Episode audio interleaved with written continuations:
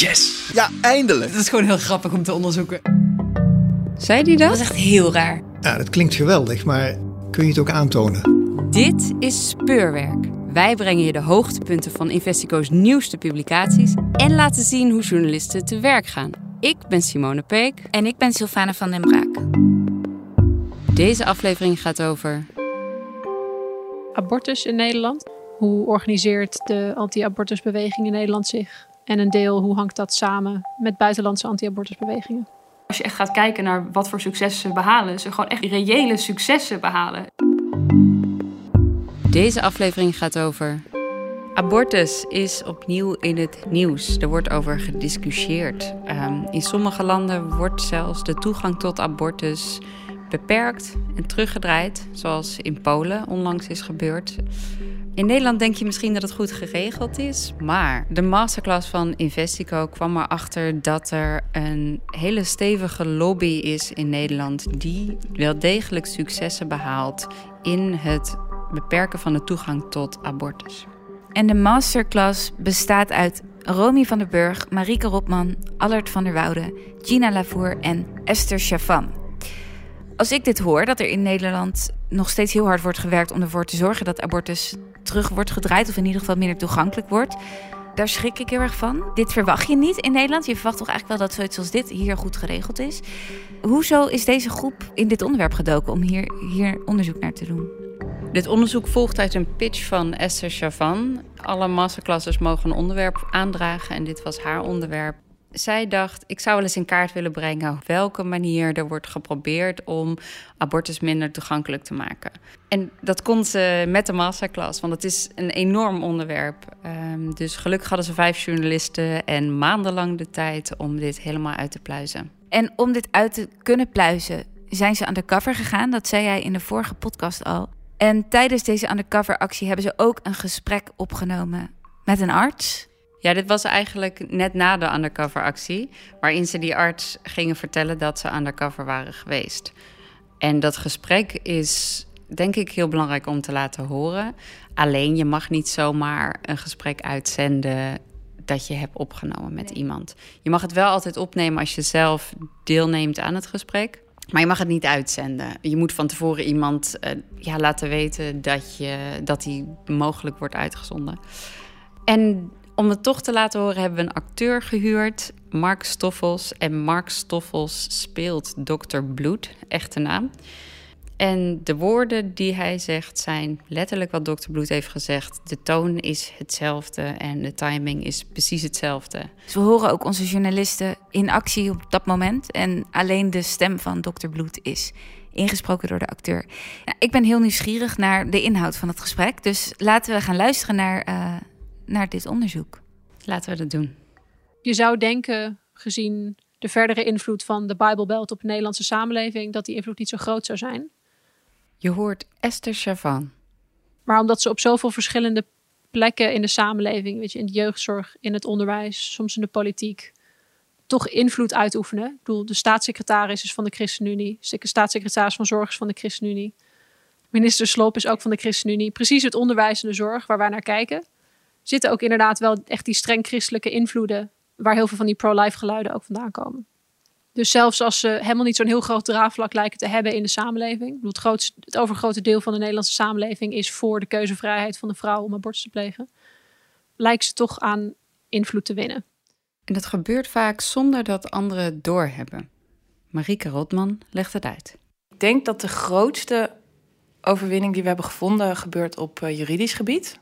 Um, dus bijvoorbeeld, het is sinds kort toegestaan om een doodgeboren kindje in het BRP in te schrijven. Ik ben Romy van der Burg. We kwamen een uh, initiatiefwet tegen, de BRP-wetswijziging. Dat is de basisregistratie personen.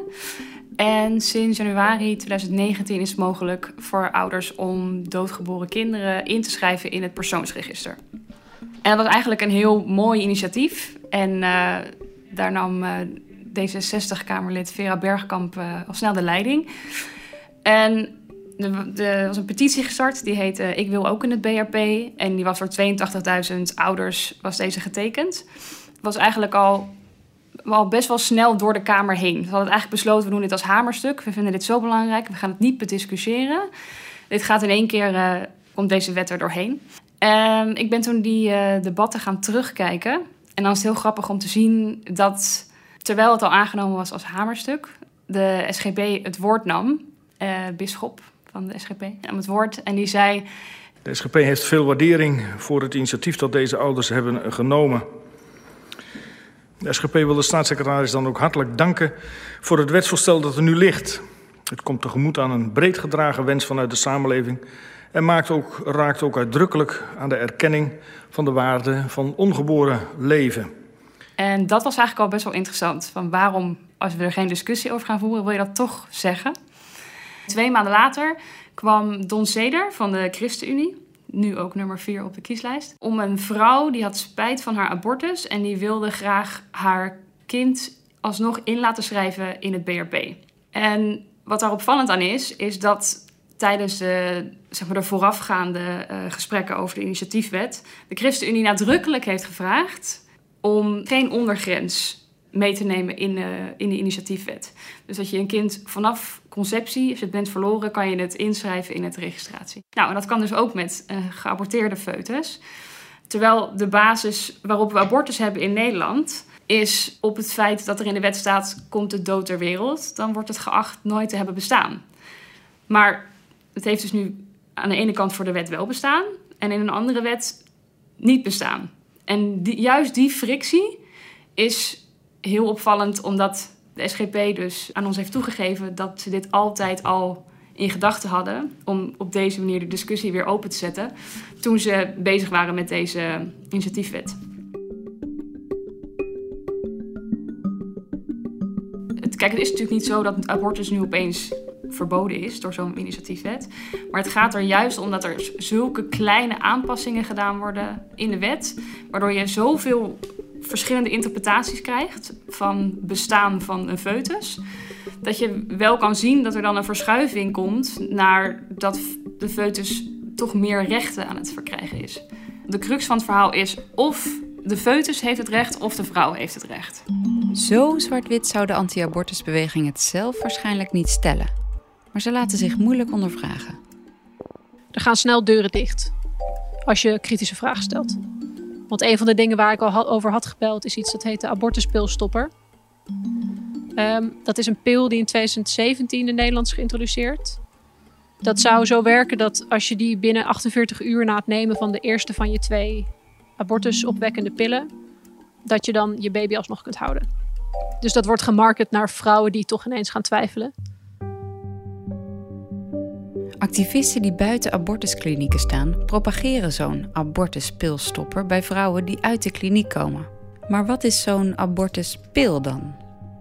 De, de abortuspil bestaat, uit, bestaat niet uit één pil. Ja, het hangt er vanaf welke vorm je inneemt, maar doorgaans zijn het er twee die je uh, een bepaalde hoeveelheid tijd na elkaar inneemt. De eerste die stopt de aanmaak van progesteron. Uh, en de tweede die zorgt eigenlijk dat de abortus ja, afgemaakt wordt. Ik, ja, ik, ga het niet proberen te beschrijven, ik ben geen arts. In principe is het de bedoeling dat je ze alle twee neemt. Ja. Daarom zijn ze er. En er is dus in Amerika ook een onderzoek opgestart en vroegtijdig gestopt naar of dit concept werkt. Dus met de echte die, die progesteronpil, die abortuspilstopper, en met placebo's. Hij is vroegtijdig stopgezet omdat er volgens mij drie vrouwen naar het ziekenhuis moesten worden gereden. omdat ze zoveel bloedverlies leden tijdens het onderzoek. dat het uh, te gevaarlijk werd bevonden om verder te gaan. Dat um, bloedverlies was het gevolg van alleen de eerste abortuspil? Ja, het bloedverlies is het gevolg van niet, ja, eigenlijk niet de kuur afmaken, om het even ja. goed te zeggen. Um, het is gewoon de bedoeling dat je die twee pillen neemt. Maar er worden dus eigenlijk wordt er iets voorgeschreven wat mogelijk heel gevaarlijk kan zijn. Ja, ik, ik, ik heb geen zicht op wat de kans is dat het ook echt problemen oplevert als vrouwen dit nemen. Omdat er dus gewoon geen goed onderzoek naar is gedaan. We wilden eigenlijk meer informatie over die abortuspil. We waren er wel achter gekomen wat het middel nou was. En dat er dus een hoge dosis van voorgeschreven zou worden dat is eigenlijk het laatste, de informatie die, die we openbaar konden vinden. Uh, maar hoe dat precies in zijn werk ging, daar gingen we eigenlijk naar, voor naar de woordvoerder van RS Hulp, Chris Develing. En die uh, was heel duidelijk dat de Groene Amsterdammer pro-choice is. en uh, daarom niet neutraal. Dus die wilde daar niet op reageren. We hebben ook nog via een werknemer of een hulpverlener van RS Hulp... hebben we nog contact gezocht met een vrouw die zo'n abortuspil zou hebben ingenomen...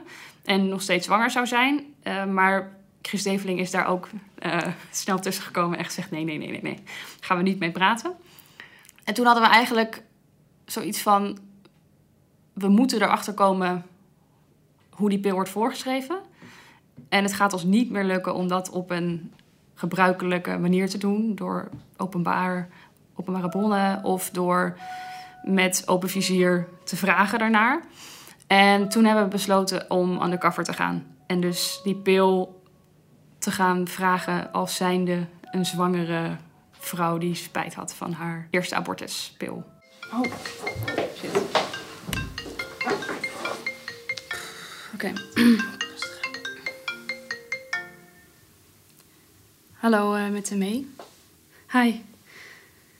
Ja, dat klopt. Ja.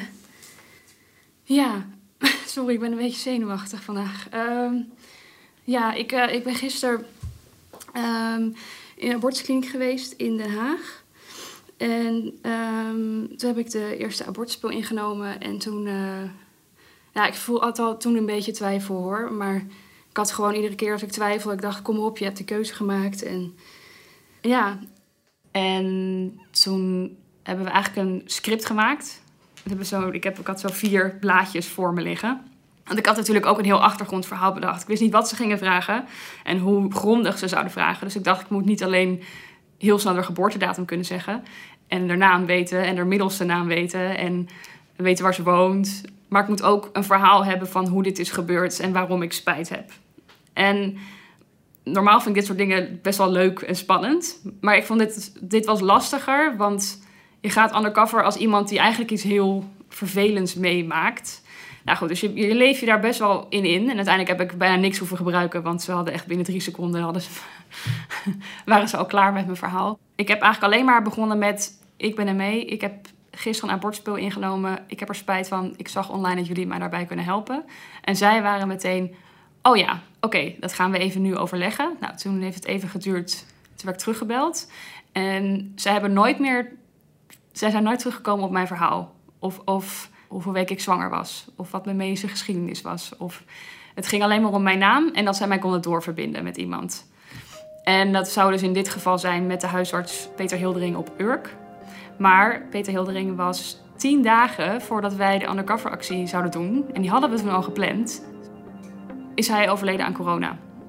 Dus zij zaten eigenlijk met een probleem dat zij op hun website beloven mij een abortuspostopper voor te kunnen schrijven maar dat eigenlijk niet konden afleveren omdat die arts overleden was. Omdat ze natuurlijk het allemaal heel belangrijk en zwaar en heftig voor me vonden, zei ze: Maar ik zou gewoon die huisarts zelf bellen, die steenbank. Het nummer staat ook op hun website. Um, om te vragen of ze het alsnog willen voorschrijven. U bent verbonden met huisartsenpraktijk Steenbank. Kies 1 voor spoed. Nee. Kies 2 voor de herhaalrecepten. Nee. Kies 3 voor de assistenten. Ja. Indien u geen keuze maakt. En toen kregen we een doktersassistent aan de telefoon. En daar heb ik ook niet verteld wat mijn medische geschiedenis was. Ik heb niet verteld hoe lang ik zwanger was. Ik vroeg om die pil. Ze zei één moment, en ik denk dat ze nog geen 30 seconden later zei: Ja hoor, die schrijven wij nog steeds voor. Binnen een uur ligt hij bij de apotheek. De pil werd opgehaald in Den Haag de woonplaats van de zogenaamd zwangere, maar echt bestaande Aimee. Onderweg naar huis bestudeerde Marieke het etiket. Er vielen eigenlijk een aantal dingen op. Uh, van, uit de bijsluiter bleek dat het twee keer de maximaal toegestane dosering was die was voorgeschreven. Um, er zat geen, bewijs, uh, geen verwijsbrief bij van de huisarts die het had voorgeschreven. We wisten eigenlijk ook niet wie de huisarts was die het had voorgeschreven, want dat hadden ze niet verteld. En er was ook niet een uitleg bijgekomen van waar het middel voor voorgeschreven was. Dus dat wisten ze bij de apotheek ook niet. Toen ik nog eens goed naar dat etiketje keek, viel me ook nog iets anders op. Namelijk dat er uh, een soort code op stond met de eerste vier letters van de huisarts die in uh, de praktijk waar we die pil hadden aangevraagd, de enige huisarts was die daar werkte. Dus het leek erop dat hij die pil had voorgeschreven. Uh, maar die huisarts was twee weken daarvoor overleden aan corona. toen dachten we wel, hmm, wat betekent deze code? Marieke stuurde de Nederlandse apothekersvereniging KNNP een foto van het doosje toe om meer informatie te krijgen over het middel. En nog eigenlijk voordat ik zelf iets had gezegd, zei zij: Die code lijkt wel erg op die huisarts die daar werkte, maar die is overleden. Um, en zij heeft toen even geprobeerd om dat, uh, om dat na te zoeken. En zij zei: Ja, dat, moet eigenlijk hem wel zijn. Maar we wilden het toch zeker weten. Dus we hebben uiteindelijk ook nog naar de apotheek gebeld. En uh, eigenlijk gewoon eens gevraagd van... we weten eigenlijk helemaal niet wie dit heeft voorgeschreven. Kunnen jullie het nazoeken? En ja, en toen zeiden ze... Uh, dat is huisarts Hildering op Urk hebben voor de zekerheid nog de voorletters gevraagd. En dat was inderdaad PC. En dat ja, kon niemand anders meer zijn dan die huisarts die eigenlijk was overleden. Um, en daarvan zei de, de, mevrouw van de apothekersvereniging meteen... ja, dat is strafbaar. Want je bent als arts zelf verantwoordelijk... dat je alleen op je eigen code voorschrijft. En als iemand anders dat doet, dat mag niet. Op een gegeven moment moet je natuurlijk je, um, je undercover actie bekennen. En dat hebben we ook gedaan. Uh, we hebben um, de huisartspraktijk opgebeld en gezegd: wij waren er mee, wij zijn undercover gegaan. Um, sorry daarvoor, want dat is niet hoe we dat het liefste doen. Ja. Je wilt natuurlijk eigenlijk liever dat het op een andere manier gaat, maar wij zagen geen andere manier en hebben het daarom op deze manier gedaan. Zeker omdat het ook met inachtneming dat de veiligheid van vrouwen hier in het geding komt door dit medicijn. En of ze daar een reactie op wilden geven. Uh, nou, ze wisten meteen waar het over ging. Uh, maar in de huisartspraktijk uh, was uh, geen huisarts aanwezig of iemand die ons te woord kon staan. Dus ze hebben ze ons doorverwezen naar de woordvoerder van de huisartspraktijk Steenbank. En dat was dokter Bloed. En dokter Bloed was uh, erg boos. Maar ik verwacht eigenlijk niet. Oh, we worden gebeld. Oh. Ik bel zo terug, oh, ja? bel eens even terug. Hoi. Hallo, met Marika. Met Wilco Bloed. Ah, hallo. Ik wil je vriendelijk en zeer dringend verzoeken de praktijk Steenbank niet meer lastig te vallen in deze situatie. Akkoord? Pardon? Ja, heb je het gehoord of niet? Nou. Ik praat geen uh, Engels, ik praat geen Duits, ik praat gewoon Nederlands. Ja, we hebben het ja, gehoord, ja, wij, maar, uh, wij hebben een vraag aan de praktijk Stoppen nu. Nou. Steenbank. Stoppen met intimideren nu. Dat en laat niet. praktijk met rust, want die zit in een kwetsbare situatie. Ja, Hebt dan- u dat begrepen of Dan niet? kunt u toch antwoord geven, want dat was ook uw taak, toch? Dat u zou U reageren bent op de welkom op het kwestie. spreekuur met een nee, legitimatiebewijs. Nee, dat is niet onze taak. Dat doen wij niet als journalisten. Zo werkt dat niet. Prima, dan gaan jullie maar verder met jullie, deze manier met aan jullie eh, leggen. ratten journalistiek. En laat ons met rust, alsjeblieft. Ik wil dat je niet meer belt naar de Steenbank. Nou, meneer, we En zijn dan zal ik daar... terug- Wat zijn- is je naam? Wat is je naam en telefoonnummer? En namens wie bel je? Want dan, zal ik, eh, dan gaan we actie ondernemen. Dat is En dan zal ik een aangifte eh, doen bij eh, de instanties die daarvoor zijn. Ja, nee, dat, wij hebben ook contact opgenomen over deze zaak met verschillende instanties. En dat is eigenlijk wat we heel graag ook nog wilden voorleggen. Ehm, we hebben hierover gesproken Ik met de heb eerst een vraag aan jou apothekersvereniging en gesteld. de Mag ik daar antwoord op krijgen? Wat is uw vraag? Namens welke organisatie bel je? Platform Investico. We willen u rustig alles voorleggen wat we, eh, wat we willen bespreken, wat we weten, welke casus we hebben. We zijn heel benieuwd naar uw reactie, eh, maar we gaan daarvoor niet naar het spreekuur komen. Op dat casusniveau reageer ik niet. Dat Behalve niet. naar legitimatie. We Snap je kunnen het ook dat? met in algemene... Wat is, er, wat is het feit? Je kunt gewoon mij toch het feit noemen wat er niet mag? Ja, Dan dat- kan ik daarop reageren. Maar het feit is dat er een middel is voorgeschreven. We hebben een aantal vragen over dat middel. En we hebben vragen over eh, het feit dat dat middel is voorgeschreven op de artsencode van een arts die overleden was op dat moment. En wat is, En daar, je, wat is daar je probleem mee? Dat dat niet mag. En wat wil je daarmee? Nou, daar Dat willen we daar- graag een reactie op wie Ja. dat dan wel heeft voorgeschreven. De handtekening is niet van een overleden persoon, dat is echt van een arts geweest. Ja?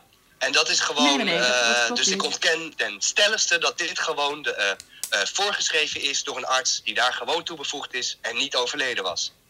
Dat is de reactie die ik daarop wil geven. Maar dat is, dat is, dat is niet juist. Want de, toen wij dit middel besteld hebben, was deze arts al overleden. En het is op zijn persoonlijke huisartsencode voorgeschreven. Dat hebben Ja, dat is dan een fout geweest die de apotheek gemaakt heeft. Nee, dat is niet een fout van de apotheek. De, apotheek krijgt Dat is hetgeen. binnen- Ik, ik heb meer te doen, dames. Ik wens jullie veel succes met jullie Maar rioolratten wilt u er nog journalistiek. verder op reageren? Want Daar schrijf maar wie heeft het uiteindelijk voorgeschreven? Wie was het? Een gelegitimeerde arts, ja. Dus daar maar staat nogmaals, de handtekening op. is niet van collega Hildering. Het is gewoon haar, de handtekening van de dokter die daar nu werkzaam is. En onder Welke moeilijke omstandigheden dokter Hildering vervangt. Heb daar eens begrip voor. En was handen hebben we- alsjeblieft niet lastig met dit soort zaken, dames. Jullie maken me ontzettend boos. Ja, Ja, dat, dat merken eh, we inderdaad. Dat is volgens mij niet nodig. We stellen gewoon rustig een Het is klaar nu. En OW, als jullie nog een keer de praktijk lastigvallen, want dan gaan jullie aan de hoogste galg. Aan de Oh, Oké, nou. nou dat is eh Ja? stevig Dan zal, dan zal ik er een journalist erbij halen. Hoe jullie te, hoe jullie te omgaan met de praktijk, prima. waar de praktijkhouder net is overleden. Eh, maar Schaam laten we, het even houden bij de, laten we het even houden bij de feiten. Wegwezen. Niet met... eh, Wilt u nog Andere- reageren op het feit Ik dat... wil niet reageren. Onderwaterfiguren zijn jullie. Bah! Het meest raakt me wel die abortuspilstopper. Ik vind het gewoon echt schandalig dat een niet getest middel dat potentieel heel gevaarlijk is voor een vrouw gewoon voorgeschreven wordt en dat allemaal uit naam van de heilige strijd voor het ongeboren leven. Dat vind ik gewoon echt heel schokkend dat dat gebeurt in Nederland. En dat er dus mensen zijn die die strijd zo belangrijk vinden dat ze alle andere christelijke waarden die er volgens mij ook zijn, namelijk in het algemeen zorg voor het leven en dat dat gewoon helemaal aan de kant wordt geschoven. En zoals Rebecca Gomperts ook heel mooi zei, de, de belangrijkste vrouw in de abortusdiscussie in Nederland, denk ik. Zij zei, ja, uiteindelijk zijn al deze strategieën er niet er vooral op gericht om de beslissingsbekwaamheid van de vrouw in twijfel te trekken. Het gaat altijd over een vrouw kan niet zelf de beslissing nemen, dus we moeten haar nog vijf dagen bedenktijd geven of we moeten haar uh, een alternatief aanbieden, zoals zo'n spijtpil. Dat gaat er allemaal vanuit dat een vrouw in een soort hysterie naar een abortuskliniek gaat en daar een abortus laat plegen en dan vervolgens spijt krijgt, want ze wist helemaal niet wat ze deed. En eigenlijk al het wetenschappelijke onderzoek en ook de meeste abortusartsen die zeggen: ja, het, het komt eigenlijk heel weinig voor dat vrouwen spijt hebben. Dat is ook niet een gevoel dat heel lang blijft bestaan. Um, vrouwen komen hier gewoon met een weloverwogen uh, beslissing en zijn eigenlijk over het algemeen heel opgelucht. De abortuspilstopper komt uit Amerika. Maar dat is niet het enige dat komt overgewaaid naar Europa. Terwijl de masterclass in eerste instantie transatlantische donaties en geldstromen onder de loep wilde nemen, bleek dat er nog iets veel belangrijkers wordt geïmporteerd dan geld. Eigenlijk kwamen we erachter dat um, veel belangrijker dan geld uit het buitenland uh, invloed is en strategie. Want nou ja, de pro-life uh, discussie in Amerika die is best wel geraffineerd. Daar zijn een aantal beproefde tactieken die heel succesvol zijn geweest. Zoals ook het langzaam tornen aan de wet, wat we in Nederland ook hebben gezien. Um, en eigenlijk de, de grootst opgezette organisatie die we hiermee in dit verband zijn tegengekomen is Agenda Europe. En dat is eigenlijk een soort strategietop waarin uh, allerlei uh, pro-life organisaties en advocaten en politici samenkomen om zich te beramen op uh, hoe de pro-life discussie in, in Europa bevorderd kan worden. Pro-life, en dat zie je ook heel erg terug bij de ChristenUnie, nemen heel veel progressief taalgebruik over.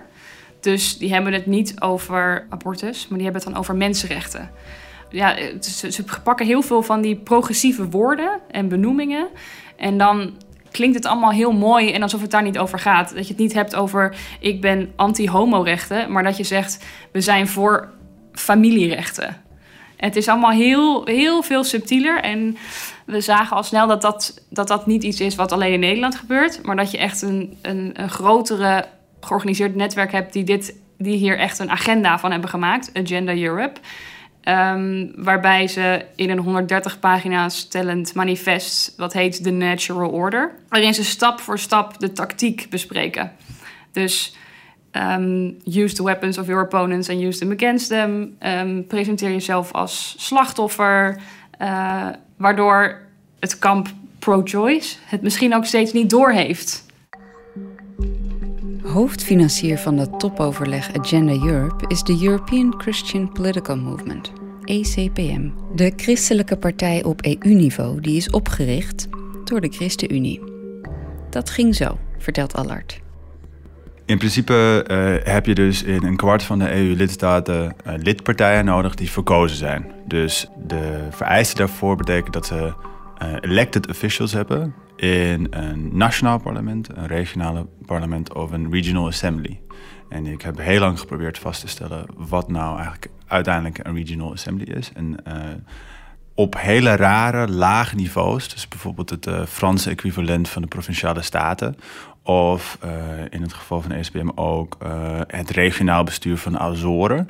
Als daar iemand is verkozen en die hoort bij een partij die zich heeft aangesloten bij ECPM, dan telt dat al voor die minimale zes EU-lidstaten een soort van drempel die je moet halen. En je wil natuurlijk er zeker van zijn dat jij altijd die vertegenwoordigersdrempel haalt. En daarom haalt ECPM vooral in het begin lidpartijen die, omdat zij een etnische minderheid zijn in hun staat, uh, altijd minstens één zetel mogen krijgen. Roemenië heeft zo'n regeling voor etnische minderheden.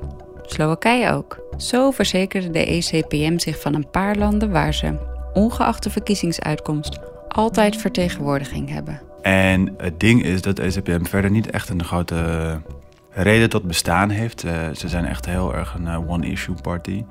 De conservatief-christelijke heilige drie-eenheid van moreel verval, namelijk abortus, homohuwelijk en euthanasie. ECPM zijn heel erg tegen antidiscriminatiewetgeving.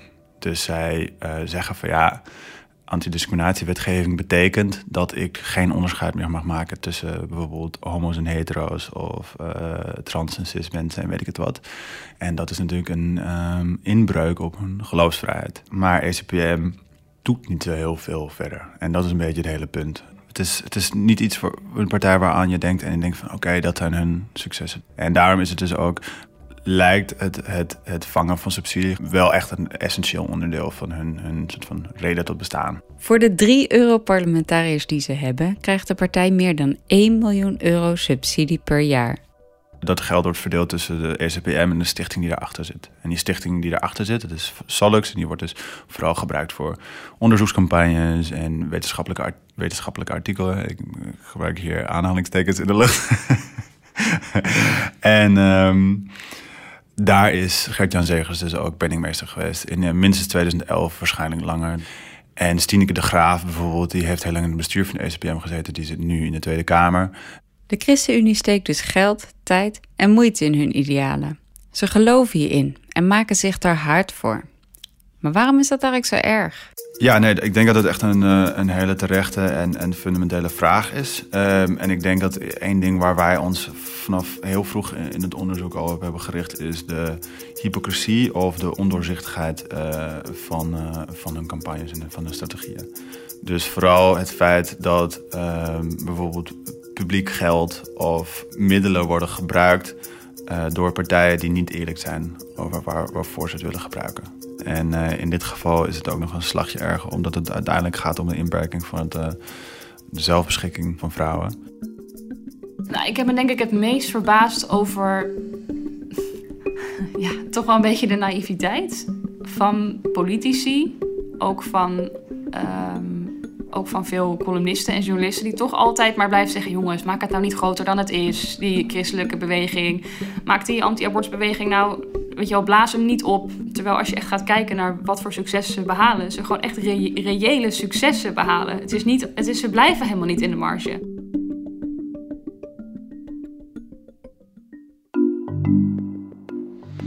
Dit was Speurwerk. Bedankt voor het luisteren. In deze uitzending hoorde je Romy van den Burg, Marike Robman, Allard van der Woude, Gina Lavour en Esther Chavan en Mark Stoffels als dokter Wilfried Bloed. De journalisten ontdekten dat achter de façade waarin christelijke organisaties doen alsof ze machteloos staan tegenover abortus, er gestaag en effectief wordt gewerkt om het zelfbeschikkingsrecht van vrouwen tegen te gaan. Op deze manier boekt conservatief christelijk rechts in Nederland wel degelijk successen. Een belangrijk onderdeel van dat succes is dat daar niet te veel ophef over wordt gemaakt. Het hele verhaal kun je lezen in de Groene Amsterdammer en op de website van Investico. De muziek en eindmix van deze aflevering zijn gedaan door Pepijn Buitenhuis. De volgende masterclass van Investico gaat in dit najaar weer van start.